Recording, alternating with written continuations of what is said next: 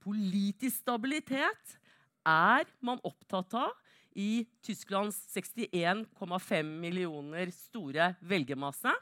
Man vinner fortsatt valget i Tyskland med slagordene fra 1950-tallet 'Keine eksperimente'. Ingen eksperimenter. Og så er hun også noe Der Spiegel kalte henne for et par uker siden en Weltkanslerin. Hun danser rundt på verdens scenens, uh, verdens scene sammen med alle alfahannene som sitter rundt henne. Men hvilke andre partier er det som stiller til valg i Tyskland? Jo, vi har seks partier eh, som utfordrer eh, og kjemper om stemmene i kveld. Sosialdemokratene, som dere ser representert ved Martin Schulz, deres kanslerkandidat, som kom inn i tysk politikk igjen i januar i år etter å ha vært en lang periode i Brussel som president for EU-parlamentet. SPD er det eldste sosialdemokratiske partiet i Europa. Eh, og egentlig Arbeiderpartiet og mange andre har eh, blitt eh, snytt litt sånn ut av deres program eh, på begynnelsen av 1900-tallet. De ligger ikke så godt an i kveld. 22% oppslutning var den siste eh, meningsmålingen jeg så. Det er det verste valget noensinne etter annen verdenskrig, hvis det går, blir stående. 23% var det dårligste de gjorde tidligere. Men de har sittet i to perioder og samarbeidet med CDU, representert ved Angela Merkel her, Det kristeligdemokratiske partiet, som har to deler. Det er, eh, Jeg pleier å sammenligne de med Høyre med en liten dæsj Kristelig Folkeparti. Eh, fordi det er et katolsk kristenparti, men i veldig stor grad en, et borgerlig parti. Eh, og så har man noe som heter CSU, som er avleggeren eh, eh, av dette partiet i Bayern. Men de går alltid til valg sammen. Siste meningsmålingen jeg så, var at de hadde 36,2 foran eh, kvelden. Går vi enda til høyre, så har vi Alternative for Deutschland. Her representert med Alice Weidel, en av deres nye eh, partiledere. Dette er et helt nytt parti. Kom i 2013.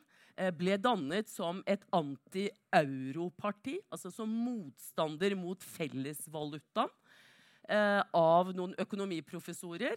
Partiet ble kuppet sommeren 2015 av en mer høyrepopulistisk eh, eh, ledelse. Alle lederne hittil har kommet fra det gamle Vest-Tyskland, mens flesteparten av stemmene kommer fra det gamle Øst-Tyskland. Eh, kuppet, eh, som jeg sa, eh, sommeren 2015. Og så fikk de en veldig boost ved at man fikk den store flyktningekrisen høsten 2015 hvor det kom altså 900 000 flyktninger eh, fra Syria, Afghanistan, andre krigsherjede land eh, til Tyskland i løpet av et år. 300 000 fulgte i 2016, og hittil i år så er det vel nærmere 100 000 som har kommet. Og dette partiet suger surstoff av kriser, som de fleste andre høyrepopulistiske partier. 2013 fikk de allerede, etter et halvt års eh, levetid, 4,7 oppslutning. Eh, I år ligger de an til å kunne få mellom 10 og 12% Og de sitter representert i Europaparlamentet. Så her nede eh, så har vi eh, Fridemokratene. Dette lille partiet som har vært eh, en bestanddel stort sett av tyske regjeringer gjennom hele etterkrigsperioden frem til eh, Angela Merkel startet opp storkoalisjoner igjen. Eh, lite liberalistisk, liberalt parti eh, som eh, kanskje kan sammenlignes med Venstre i Norge. Vanskelig med denne type sammenligninger, men jeg vil likevel si det. Eh, de har falt etter forrige valg i 2013 ut av forbundsdagen fordi de ikke klarte den veldig høye sperregrensen som er i Tyskland, på 5% Det var første gang siden annen verdenskrig at de ikke var representert i forbundsdagen. Nå ligger de an til å gjøre et veldig godt valg igjen. Altså de lå på 9,6% på den målingen jeg så. Eh, og da er det mye som, eh, mange som stiller seg spørsmål om de skal inn i regjering igjen. Men dette skal vi diskutere senere. De er på en måte den mest naturlige regjeringspartneren til Angela Merkel. Så har vi Bundnis Neuzig, eh, De Grünen, Det grønne partiet. Europas viktigste miljøparti, eh, som etter 1990, med gjenforeningen eh, mellom Vest-Tyskland og Øst-Tyskland, fusjonerte med en av disse borgerrettsgruppene som oppsto i det der etter murens fall. Bundnis Neuzig, derav navnet. De har en miljøagenda og har stort sett eh, ligget på en 8-9 eh, regjerte sammen med Sosialdemokratene fra 1999 eh, til 2005, når eh, Gerhard Schrøder, sosialdemokratiske kansleren som ledet denne regjeringen, ble tvunget til å gå av. De ligger ganske dårlig an i dette valget her. På 7,7% var det jeg så på den siste målingen. Og det siste partiet, De Linke, som består av eh, etterfølgerne fra DDR eh, og avhoppere fra det sosialdemokratiske partiet. Eh, og eh, de fusjonerte i 2007, hvor partiet fikk navnet De Linke. Sammenlignet med SV med en stor dæsj rødt, vil jeg si, eh, her i eh, Norge. De ligger også på 9,8 de er på en måte ytterpartiene, de linke og Alternativ for Tyskland, mens de andre er mer sentrumsorienterte eh, partier. Eh, så her har dere partiskalaen av de som skal eh, krangle om oppslutning i kveld. Forrige, eller Nåværende forbundsdag er det bare fire partier som er representert. Det er eh, Etter valget så var det 16% av de som faktisk gikk og stemte i 2013, som ikke fikk et talerør i nasjonalforsamlingen eller forbundsdagen. Så det var liksom waste of uh, stemmeseddel. Uh, derav også kanskje fremveksten av vingpartier. Sånn at de to store som har regjert sammen i den siste perioden, Sosialdemokratene og Kristendemokratene har 80% av stemmene i denne forbundsdagen. Det har ikke vært lett for De grønne eller De linke å gjøre seg til rene eh, opposisjonspartier og vinne igjennom når man har en sånn massiv representasjon av regjeringen i forbundsdagen. Ja, i Tyskland så har man altså koalisjonsregjeringer. Så det er ikke sånn at om Merkel og hennes parti Det er jo ikke direkte kanslervalg vi har i kveld. Det er jo representanter til forbundsdagen og nasjonalforsamlingen. Eh, men hun må regjere sammen med noen. For I Tyskland må man ha flertall i forbundsdagen bak valget av kansleren. Og det er lite tenkelig at man får det hvis man hadde kommet med en mindretallsregjering. Og I Tyskland er dette så naturlig at man til og med har et verb. Å koalere, sier man. Eh, hvem kan Merkel koalere med? Og Her er det mye partifarger som avgjør. Eh, den svarte bak,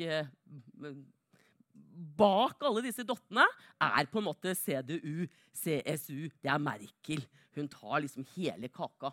Og så kan hun enten koalere med SPD, som der oppe, i en storkoalisjon. Det kan hun også etter kveldens valg. For Kristeligdemokratene har omtrent 36% Sosialdemokratene 22 Og da eh, vil de kunne få flertall sammen. Få ønsker det, for det er mange eh, komplikasjoner med storkoalisjoner som vi sikkert kan komme tilbake til i debatten. Så kan hun samarbeide med FDP, som har vært den naturlig borgerlige samarbeidskonstellasjonen med dette liberale partiet. I dag, sånn som meningsmålingene står, så har ikke de flertall. Så kan hun samarbeide med FDP og De Grønne. Det vil i tilfelle være helt nytt. Kristendemokratene og de Fridemokratene har aldri samarbeidet med De Grønne i regjering. Og man har heller ikke hatt tre partier på denne måten i en konstellasjon. Men det gjenstår å se hvordan tallene eh, faller. Og for SPD så har jeg satt et eh, kryss over deres koalisjonsmuligheter. For det er veldig lite som taler for at vi får en sosialdemokratisk regjering i Tyskland i dag. Men de kunne ha samarbeidet med De grønne, som de har gjort. De kunne også ha samarbeidet med De linke og De grønne. Eh, forrige forbundsdagsvalg førte faktisk til at de hadde majoritet, hadde de ønsket å samarbeide med De Linke. Hittil har de blitt holdt utenfor regjering fordi man ser på de eh, som altså arven fra det det er, det totalitære det der. Man vil ikke samarbeide med dem. Så er det da det store spørsmålet i kveld tror jeg blir blir det en ny storkoalisjon eller blir det en Jamaica-koalisjon. Som fargene i eh, Jamaicas flagg. Sort, grønt og gult. Tyskland er en føderalstat. Vi skal nærme oss valgsystemet, som er litt tricky. Eh, det er nesten alltid et valg i Tyskland. Eh, fordi de har 16 delstater som har sine egne eh, delstatsvalg eh, og har sin delstatsforsamling. Og så sitter de i forbundsrådet i Berlin og har stor innflytelse over lovgivning, budsjettet, alle de spørsmålene som diskuteres i forbundsdagen. valgsystemet er også sånn at det påvirkes av den føderale strukturen. Fordi plassene i forbundsdagen fordeles på de 16 delstatene etter folketall. Og I Tyskland sier man at man har den mest eh, demokratiske eh, valgsystemet fordi man kombinerer en, et flertallsvalg, sånn som man har i UK, altså Storbritannia, og forhåndsvalg, sånn som vi har i Norge. I forbundsdagen skal det sitte minst 598 representanter. 299 av de velges eh, eh, en, altså Velgerne har en første og en annen stemme.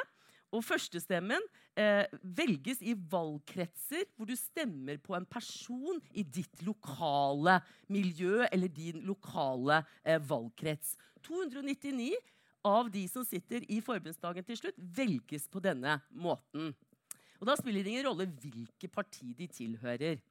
Annenstemmen og, og da er det også sånn at the winner takes it all, sånn som det er i Storbritannia. I en valgkrets. Annenstemmen går til et parti, og eh, tallet på valgte kandidater for hver parti eh, tilsvarer partiets andel av stemmene nasjonalt. Og her er det 5% sperregrense. Så det som gjenstår i kveld, er å se hvordan denne forbundsdagen eh, fylles opp. Om de er røde, grønne, gule, sorte eller ytterst mørkeblå. Takk for oppmerksomheten.